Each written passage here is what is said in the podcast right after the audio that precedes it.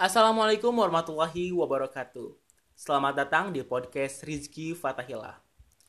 Kali ini saya akan bercerita tentang di mana pengalaman saya saat berkendara sendirian di malam hari. Mungkin hal ini juga pernah dialami oleh beberapa orang. Nah, jadi saat ini saya berkesempatan untuk bercerita kepada kalian pengalaman apa yang sebenarnya terjadi pada diri saya. Oke.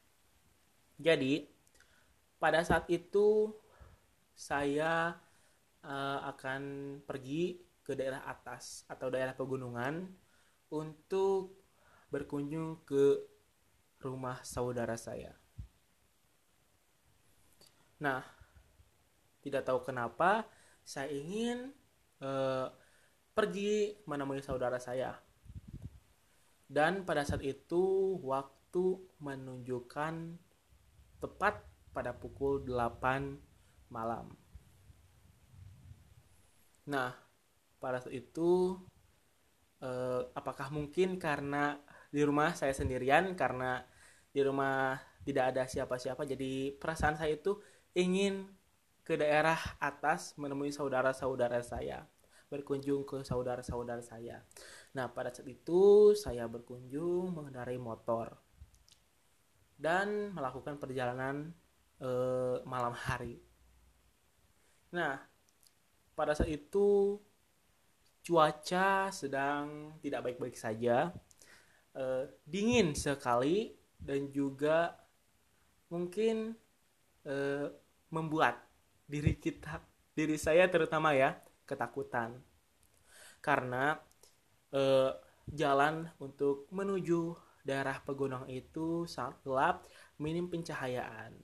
Nah, singkat cerita, saya pergi eh, dari rumah ke daerah atas eh, pegunungan itu membutuhkan waktu sekitar 30 menit atau setengah jam.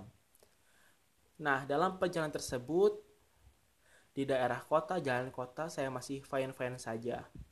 Nah, pas masuki wilayah area hutan-hutan belantara dan rumah pun jarang-jarang ditemukan.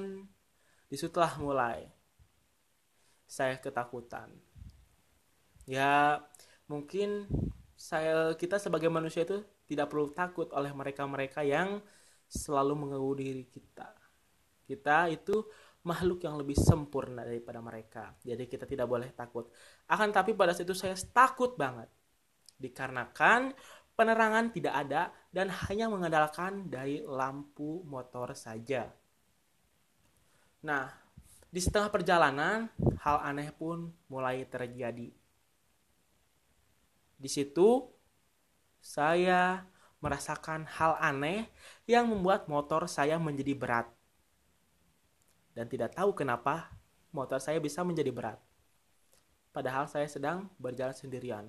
Ditambah saya melihat kanan kiri, lampu-lampu yang ada di perumahan warga tersebut padam. Dan mungkin pada saat itu di daerah tersebut sedang aliran listrik.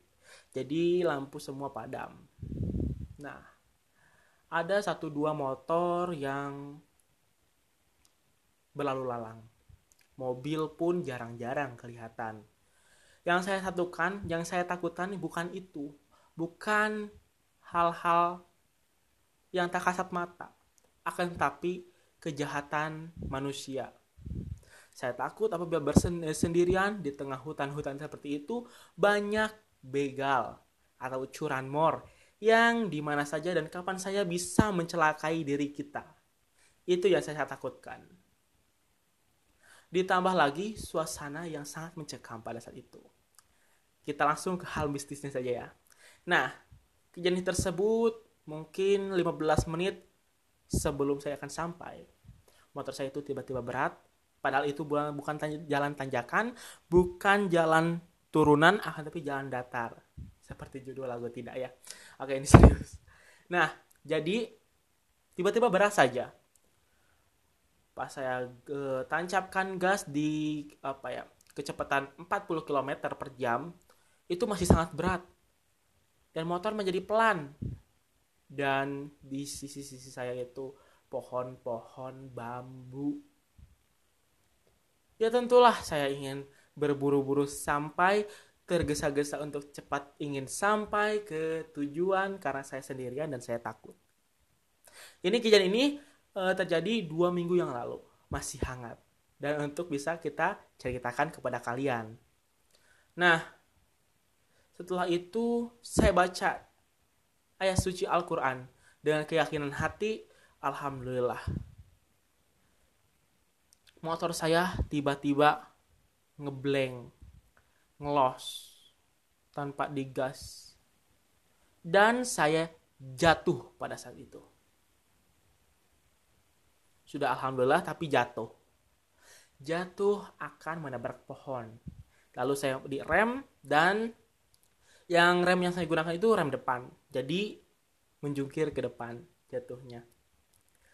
Lalu saya shock di situ.